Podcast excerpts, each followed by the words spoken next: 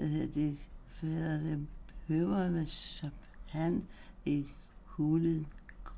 Når folk kommer her hos os, så kan de enten have haft en blodprop i hjernen, en blødning i hjernen, de kan have øh, været udsat for et uheld. Som audiologopæd, der øh, underviser jeg voksne mennesker efter, de har haft en skade i hjernen. Når man får en skade i hjernen, så kan man få kan man sige, to hovedgrupper af, af talesproglige vanskeligheder.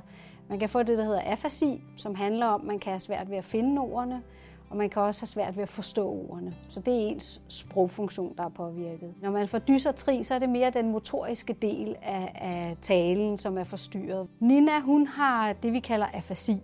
Det er, det er tænecenter, der er rent. Dengang vi har været, været der arbejde, så hvad hedder det, kom jeg Amager, der var været pædagog.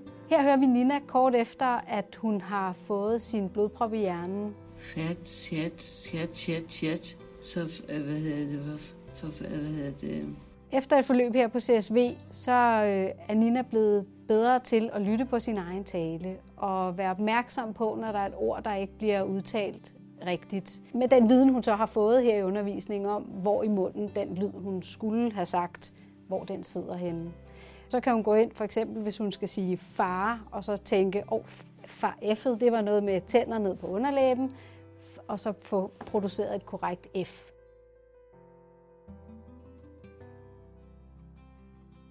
Da Nina kom her på CSV, der havde hun vanskeligt ved at kommunikere med sine pårørende. De havde rigtig svært ved at forstå, hvad hun sagde. Det skabte mange frustrationer og misforståelser. Efter et forløb, så har vi i hvert fald forsøgt at hjælpe hende med at, at mindske det. Nina og hendes familie oplever, at Nina har fået langt mere mod på at ordne sine ting selv.